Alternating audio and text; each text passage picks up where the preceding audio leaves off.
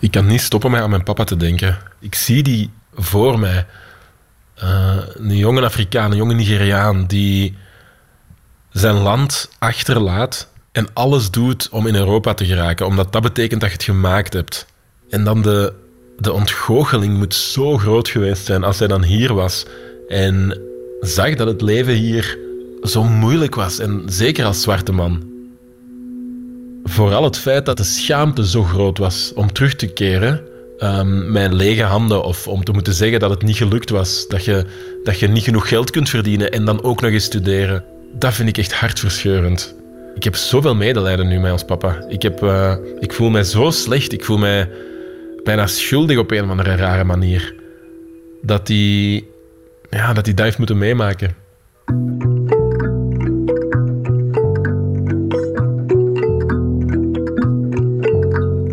Dit is Ouder.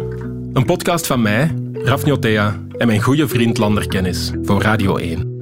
Samen gaan we op zoek naar antwoorden over het migratieverhaal van mijn Nigeriaanse vader. Want wat als je vader niet is wie je altijd dacht dat hij was? Aflevering 5. De andere Francis.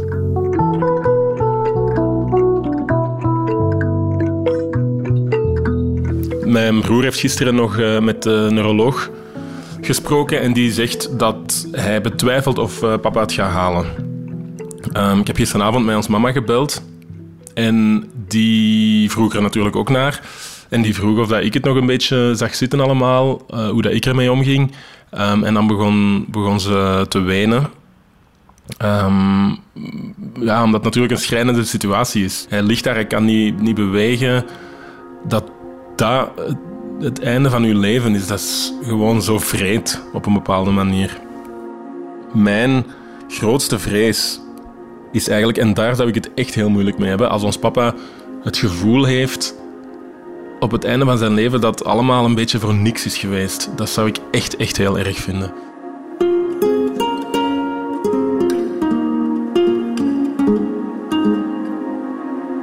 Ik zit aan papa's bed in het ziekenhuis. Hij is niet meer bij bewustzijn. De dokters hebben ons laten weten dat het waarschijnlijk een kwestie van dagen is, dus ik wil nog zoveel mogelijk bij hem zijn. Slangetjes van baksters en beademing kronkelen op een gewelddadige manier om hem heen. Maar papa zelf lijkt er bijna vredig bij te liggen.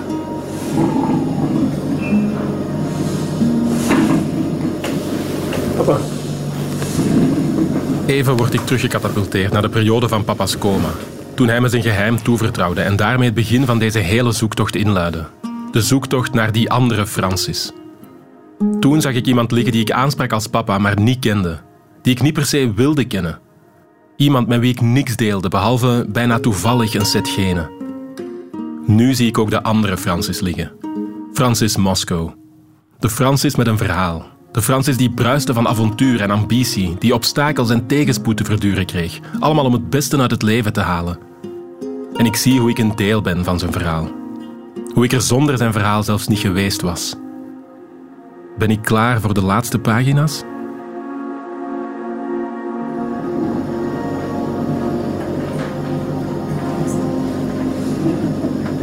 Yo.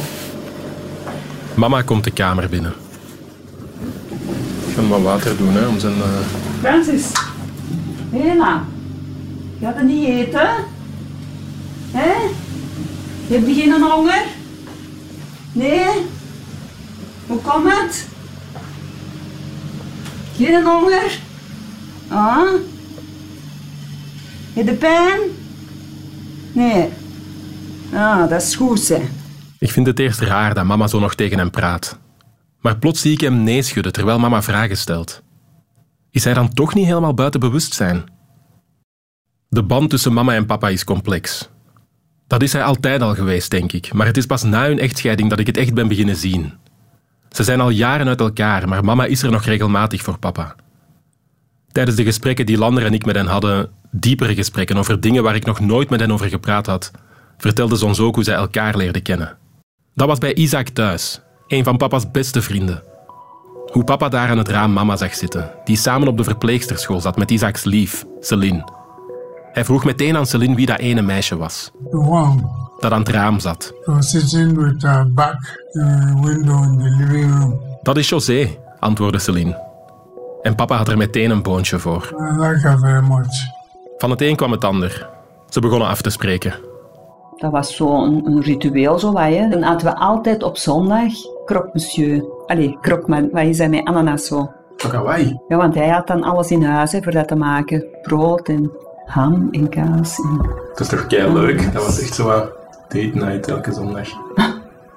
date night. En dat terwijl het allesbehalve evident was in die tijden. Een wit meisje met een zwarte jongen. Zelfs zijn schoonfamilie deed er moeilijk over, zegt papa. Mama's broer Luc. Nonkel Luc. Even within my wife's family. Uncle Luke, this Luke. Telkens wanneer papa naast hem ging zitten, schoof Luc op. If I sit near Luke, Luke will move away, we shift. And I will move nearer to him again. He will move. Tot papa op een dag vraagt om hem de hand te schudden. Luke, come, can I shake you? Dus dat doen ze. Kijk nu eens naar je hand, zegt papa. Is ze van kleur veranderd? Die van mij niet. Dus wat is het probleem nu eigenlijk? It's okay, can you look at your hand? Is it, does it change? My own didn't change. What is the problem? Papa is trots op zijn huidskleur. This skin that I'm carrying, I'm very proud of it because I didn't buy with money. God gave it to me. We Africans, we are the most gentle people in the world. I can tell you that. Maar in het begin was het mama's moeder die hem de meeste kopzorgen bezorgde. Moemoe. In the beginning, it was her mother that gave me the biggest headache. Mumu. Papa kon toen helemaal nog geen Nederlands, maar één woord dat Moemoe heel de tijd zei, verstond hij wel. All I could hear was uh, up, up. Up. Maar hij laat het niet aan zijn hart komen. Wanneer een tijdje later mijn broer Robin geboren wordt en Moemoe ziet wat een volmaakt mooi klein mensje hij is, is ze dan toch verkocht. When Robin came, she saw that Robin is not a monkey or Robin is the complete beautiful human being. Well, uh, my kindje, my kleinkind, who is papa? En uiteindelijk komen zij en papa prima overeen. Eventually, eventually, she became my best friend in the house. Before she died, we we were very close, but she gave me a hard time. Mumu. Maar ze heeft het hem in het begin niet gemakkelijk gemaakt. Want mijn ouders die waren daar niet happy voor. Hè. Nee, dat was eh, echt wel...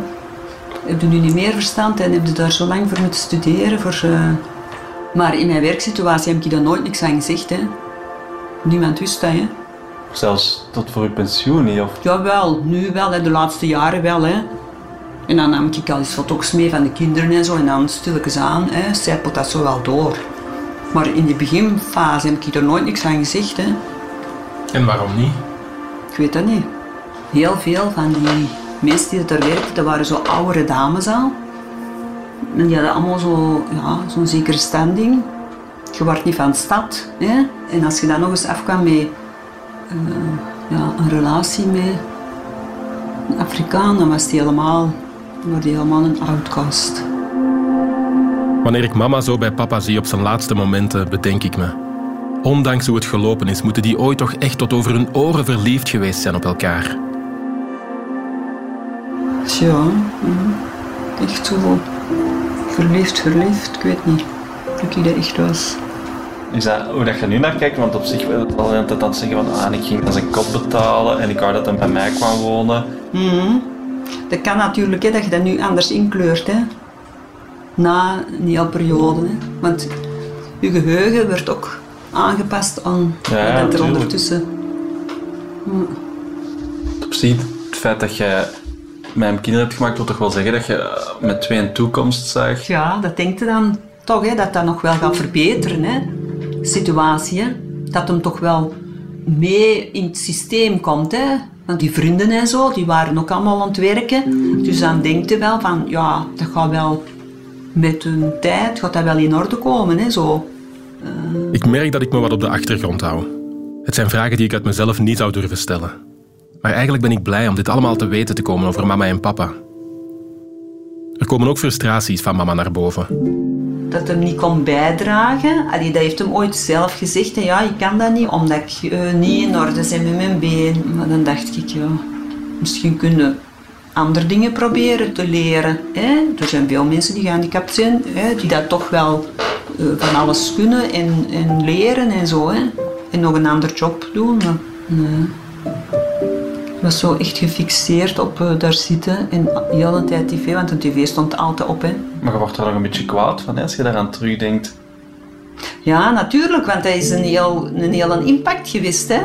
Bijvoorbeeld, um, ik zegde dan van ja, als je niet kunt gaan werken, dan moet je wel in het huishouden iets doen. En dan, ah, ik ga dat niet zeggen tegen mijn vrienden en tegen mijn familie zeker niet. Dat ik de afwas doe en dat ik was ophang of allez, zo van die huishoudelijke klussen, want dat is not done bij ons. Die is altijd met zijn hoofd in Nigeria gebleven. De constante spreidstand waar migranten in zitten. Ondanks de frustraties beseft mama ook wel dat het voor papa niet altijd evident was. Een leven opbouwen in een nieuw land, waar je heel vaak met racisme geconfronteerd wordt. Heeft een periode ook nog moeten gaan stempelen. En dan waren dat mensen van de gemeente die dat zo'n stempeltje moesten zetten op zo'n kaart. En dan zegde die wel eens van die gemeentewerkers dat die hem uitscholden of van alles achterna riepen of zoiets. Ook papa herinnert zich talloze voorbeelden. Zoals toen hij op zoek was naar een appartement. I remember one night I was looking for an apartment. I wanted to move. I saw to huur. Hij ziet een bordje met te huur en belt aan. A man came out. Ah, nigga, nigga. Shut the door. Hij krijgt de deur in zijn gezicht. What? Maar hij belt opnieuw aan. I continue pressing the bell. Papa blijft bellen tot de man terug open doet. Hier staat toch te huur, zegt papa. Ja, nee, nee, nee, nee, is. Maar papa weet dat hij liegt. Nee, nee, het is niet. Het is niet vol. What is the problem with you? Papa zucht. Ze zeggen van Afrikanen dat ze arm zijn. En materieel gezien zijn we misschien arm. We are not poor. We might be poor materially.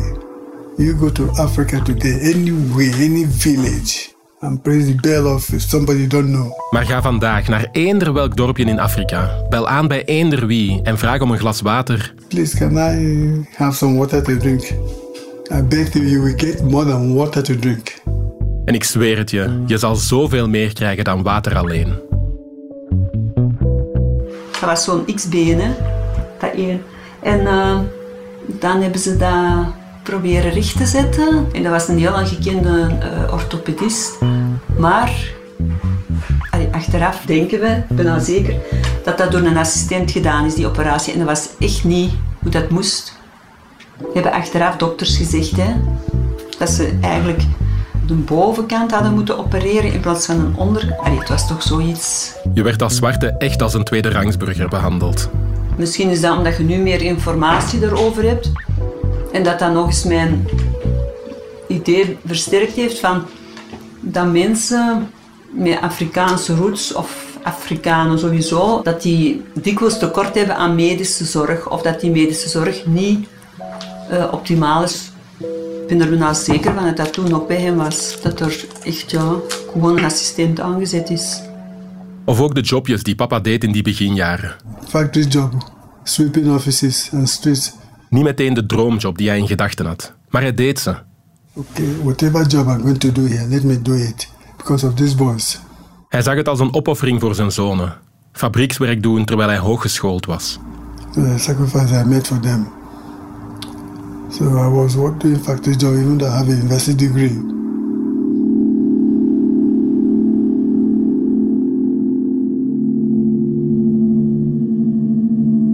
De Anjoma-vereniging, de groep Ibo's in België waarvan papa als Jokpa een van de leiders is, neemt contact met ons op.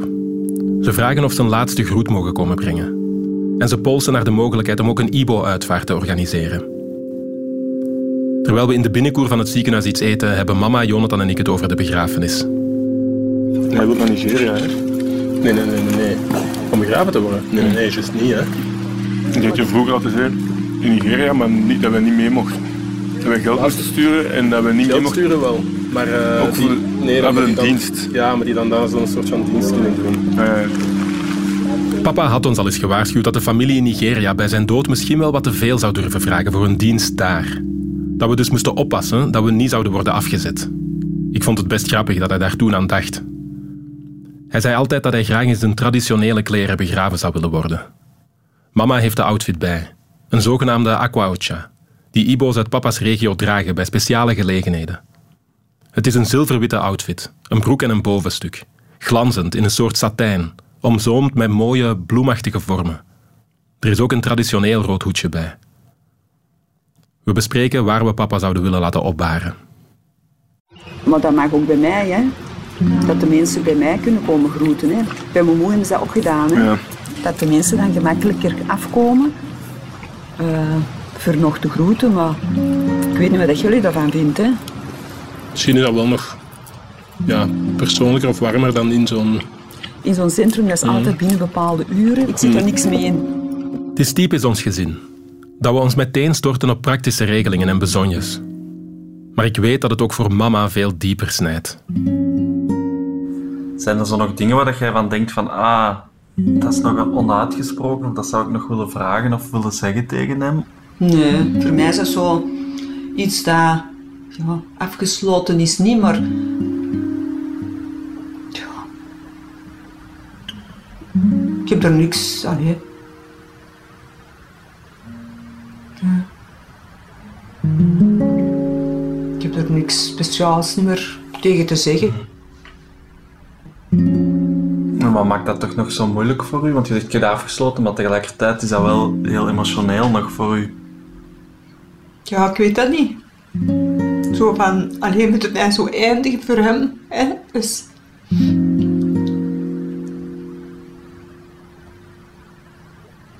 Ergens zo'n beetje, ehm, ja...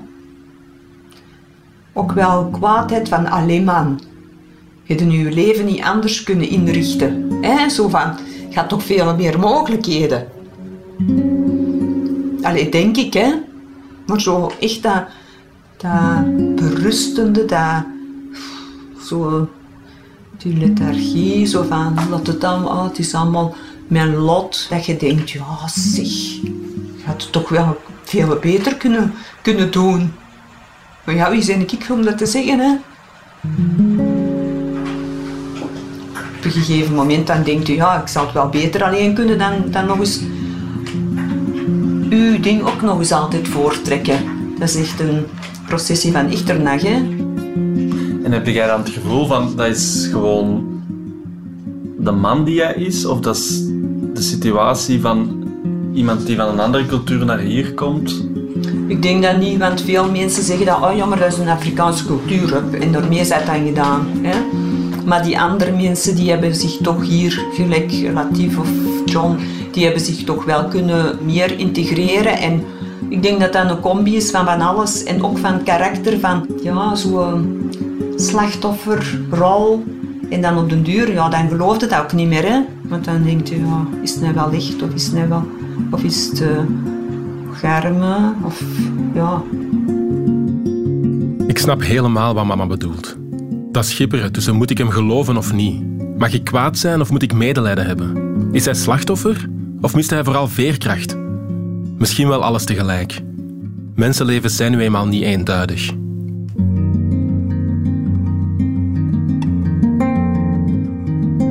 Onlangs heb ik mijn mama en broers eindelijk verteld wat Lander en ik allemaal ontdekt en gehoord hebben over papa. En daar ben ik blij om. Ik wilde en kost wat kost voor papa zou sterven het rijkere beeld schetsen dat ik door onze zoektocht van hem gekregen heb.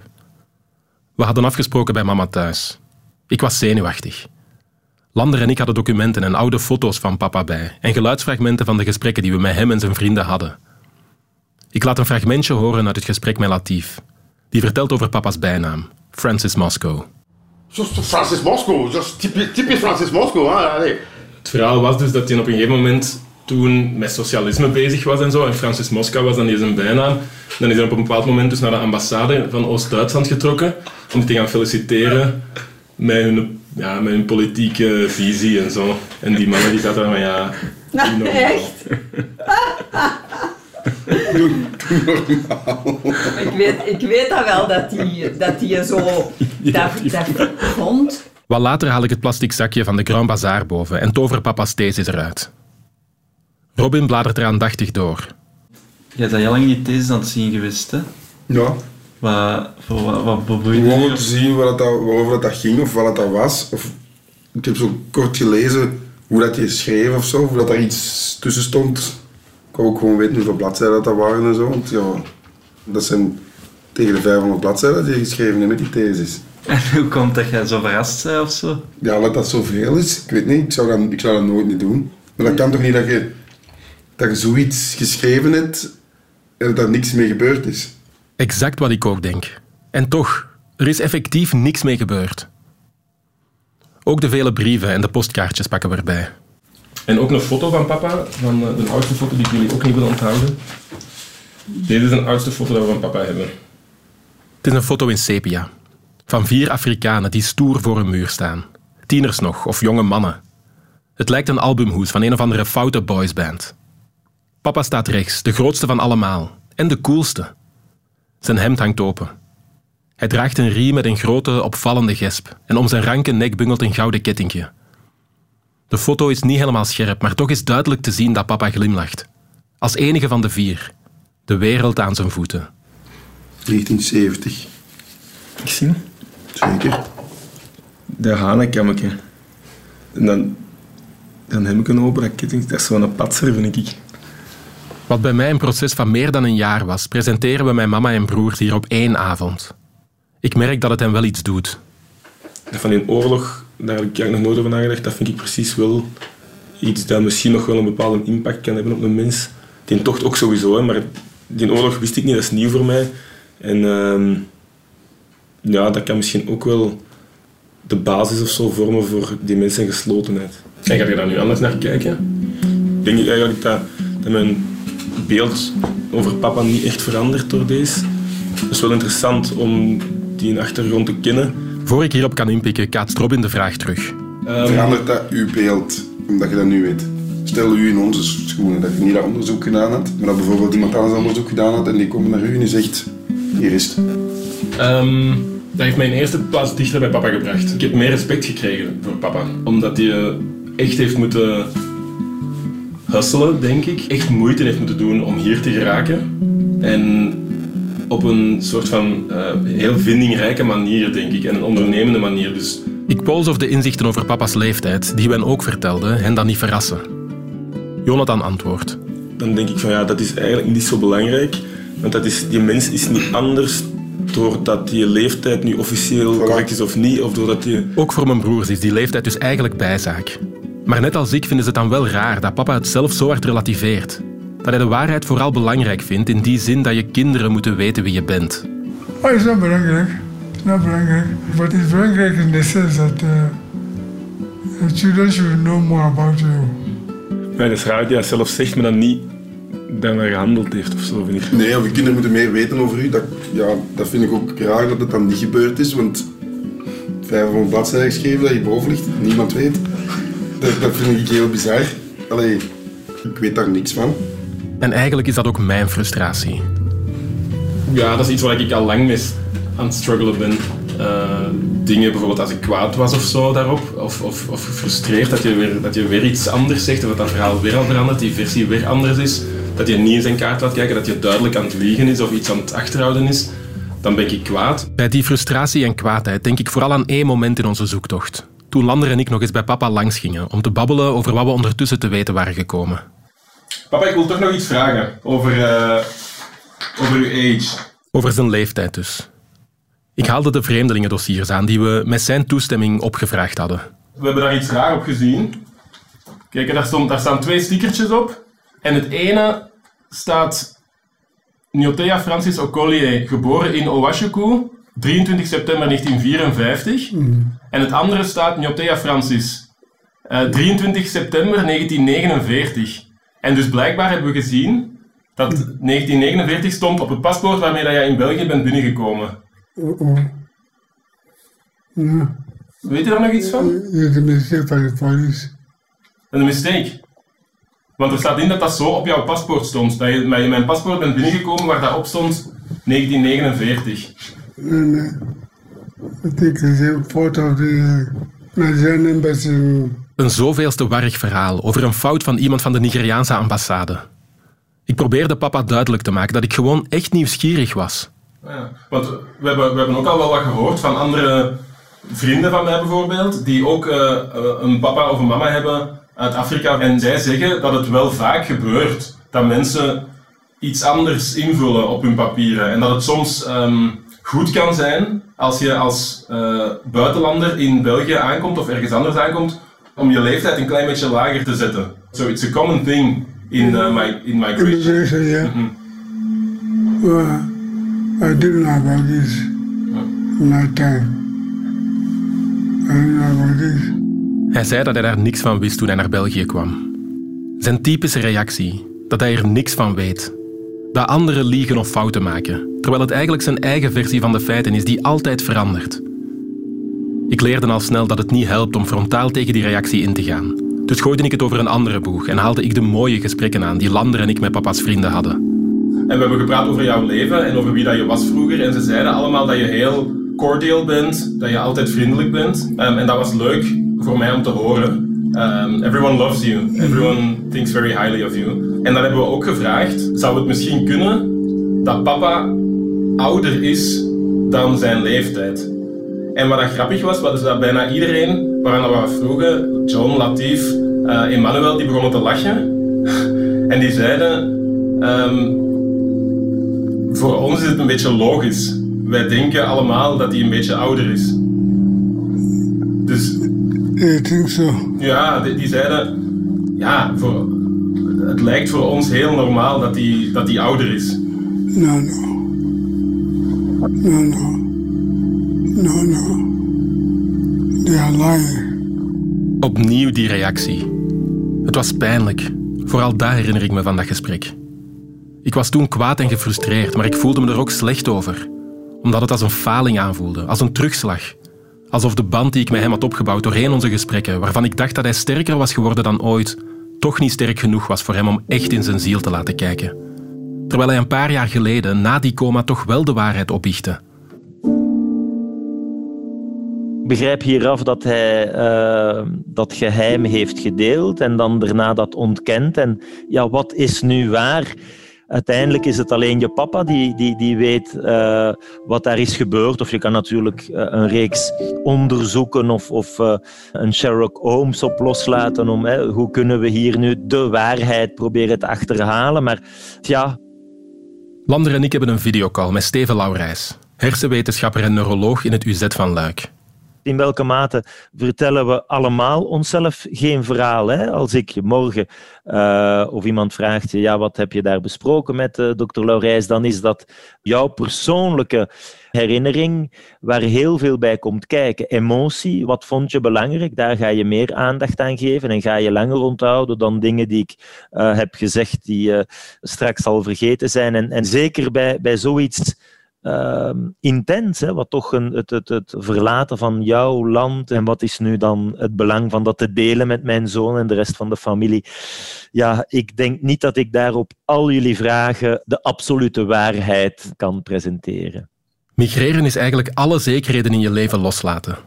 Op zich is het niet onlogisch dat je je verhaal dan wat anders gaat inkleuren hoe frustrerend dat ook natuurlijk kan zijn voor, voor anderen, dat we niet te snel zeggen, ja, jij leugenaar, hè? Eh, je, je zit hier dingen uit te vinden. En dan ook ja, respect voor hebben dat er misschien bepaalde dingen moeilijker zijn en dat dat gaat blijven. En, en dat er misschien uh, bepaalde dingen waar de een of de ander liever heeft dat het niet expliciet wordt besproken, dat dat, dat dan ook moet kunnen. Want we zijn natuurlijk geen robots. En maar goed ook, dat kan soms moeilijk zijn, maar, maar dat is nu eenmaal de realiteit van een mensenleven. Hè. Ik was in deze zoektocht gestapt omdat ik de hele waarheid wilde weten. Alle feiten. Maar inderdaad, hoe belangrijk zijn die nog aan het einde van de rit? Ik denk dat het uh, goed is van, van heel voorzichtig, respectvol, aandachtig naar elk uh, zijn verhaal daar te luisteren. Wat, wat zijn jouw behoeften af? Hè? Uh, en, en hoe worstel jij met, met heel dit verhaal? Maar ook, ja, wat zijn de behoeften van, van je vader? En, en wat zijn zijn mogelijke redenen? En, en, en misschien ook aanvaarden dat er een paar straffe verhalen in zitten die niet noodzakelijk helemaal uh, correct zijn. Ik denk dat dat voor elk van ons wel duidelijk is. dat het misschien eerder gaat over ja, hoe ervaar ik dit en, en welke betekenis geef ik dit?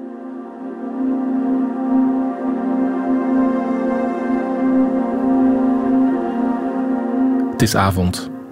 Ik heb daar straks afscheid genomen van papa, onzeker of ik hem morgen nog levend ga zien. Maar dan krijg ik telefoon van de verpleging.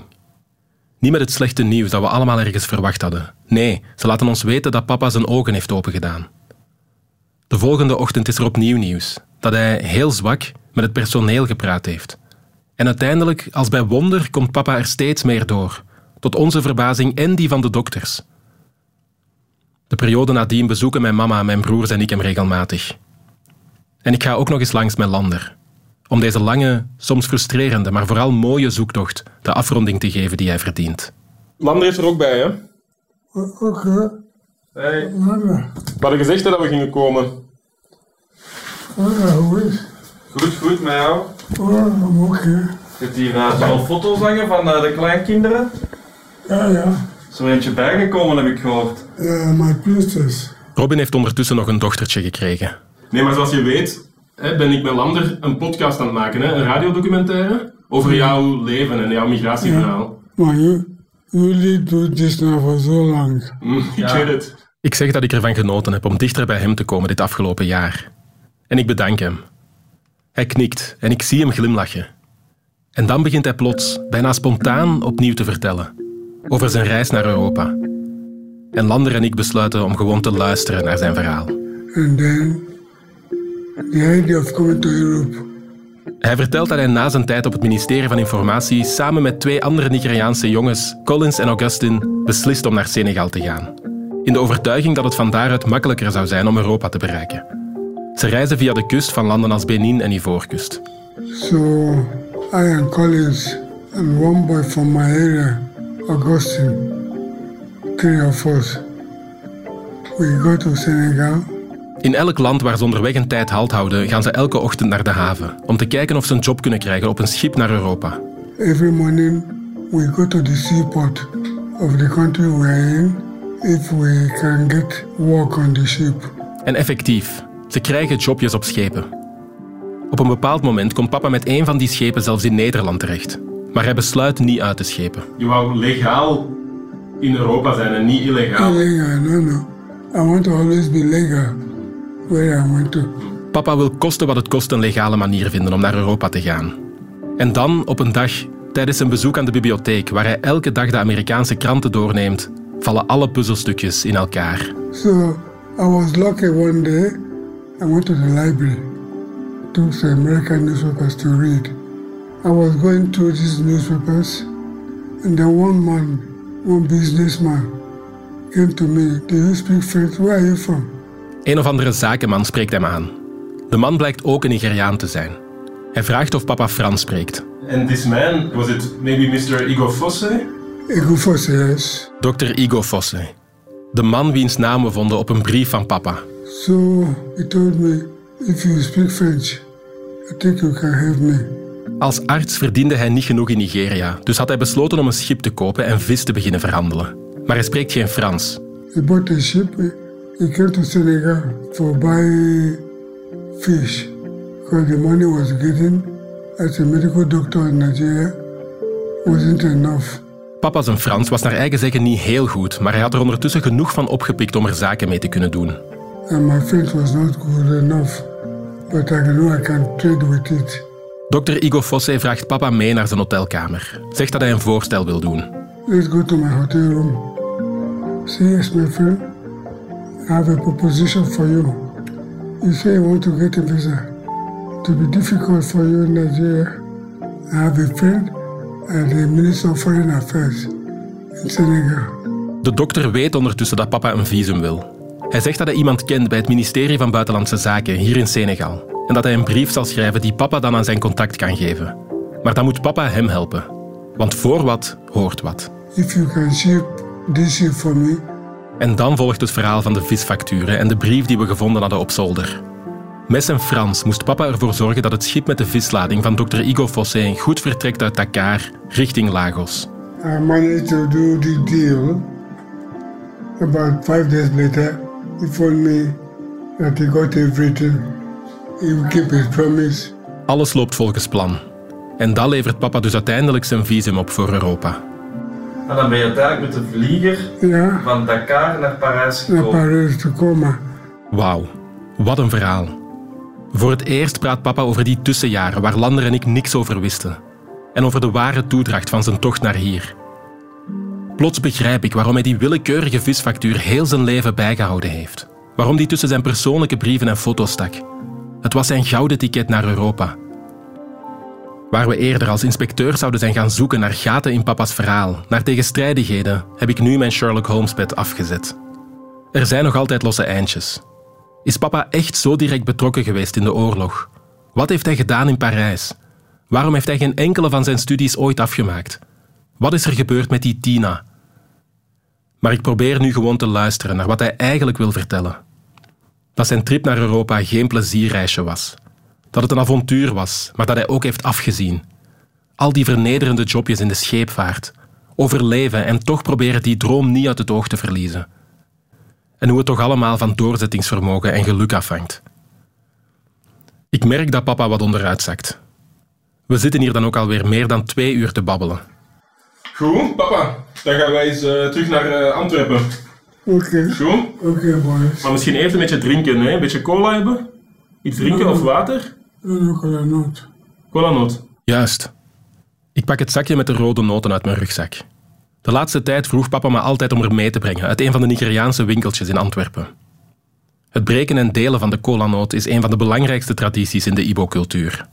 Waarom is, dat, waarom is dat zo belangrijk, cola noot? It's part of our culture. Part of our culture.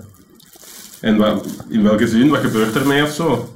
If in Igbo culture, if I come to visit you, Als je als Ibo bezoek krijgt en je biedt je gasten geen colanoot aan, dan zeg je eigenlijk dat ze niet welkom zijn.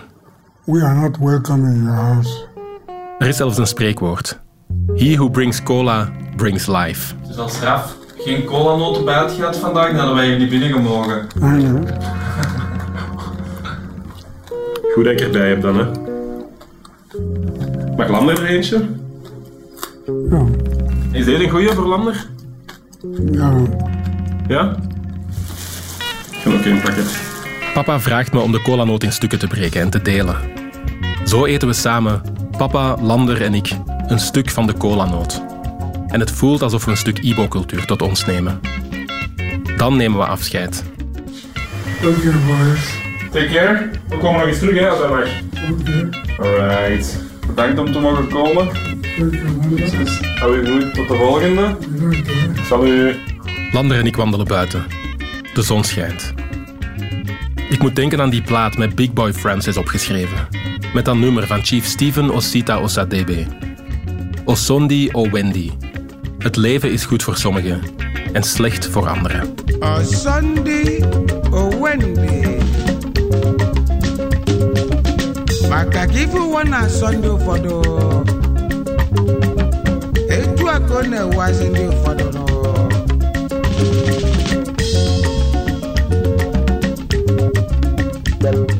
Je luisterde naar de vijfde en laatste aflevering van Ouder. Een podcast van Rafniotea en Landerkennis voor Radio 1. Bedankt om te luisteren. Merci aan al onze gesprekspartners om zo open en gastvrij met ons te praten en zo mee puzzel van papa's verhaal te leggen. Speciale dank aan onze stagiaire Anna Petrosian, die zonder verpinken al onze gaten dichtfietste en met haar eeuwige gedrevenheid een plek in ons hart veroverde. De fantastische muziek werd gecomponeerd door Aiko de Vriend. De montage was in handen van Wouter Schuddink. Shout-out naar onze loggers, Nestor, Romy en Yves. En naar alle mensen die hun ongezouten mening gaven over de montages. En gigantisch veel dank aan Radio 1. In het bijzonder aan Jan Knudde, Leila El Dekmak, Hendrik de Smet en Fien Reekmans voor het grote geloof in ons en de steun op alle mogelijke manieren. Deze podcast kwam er in samenwerking met het Fonds Pascal de Kroos voor Bijzondere Journalistiek en Sabam for Culture. We hopen dat je genoten hebt van onze zoektocht en van mijn papa's verhaal. Als je wil helpen om dat verhaal te verspreiden, kan dat door de podcast te delen en erover te vertellen. Een goede review schrijven helpt ook enorm. Ben je nog geïnteresseerd in een ontroerend podcastverhaal? Luister dan zeker naar het verhaal van Elvire in drie dagen. Elvire heeft euthanasie aangevraagd en vertelt haar levensverhaal aan Wart Bogaert en Philip Heijmans in een periode van drie dagen in een huis aan zee. Het is een aangrijpend verhaal. Je vindt het in de app van Radio 1 of via jouw favoriete podcast-app.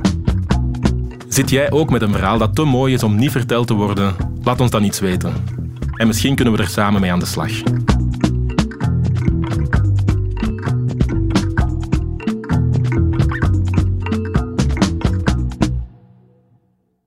Widoe.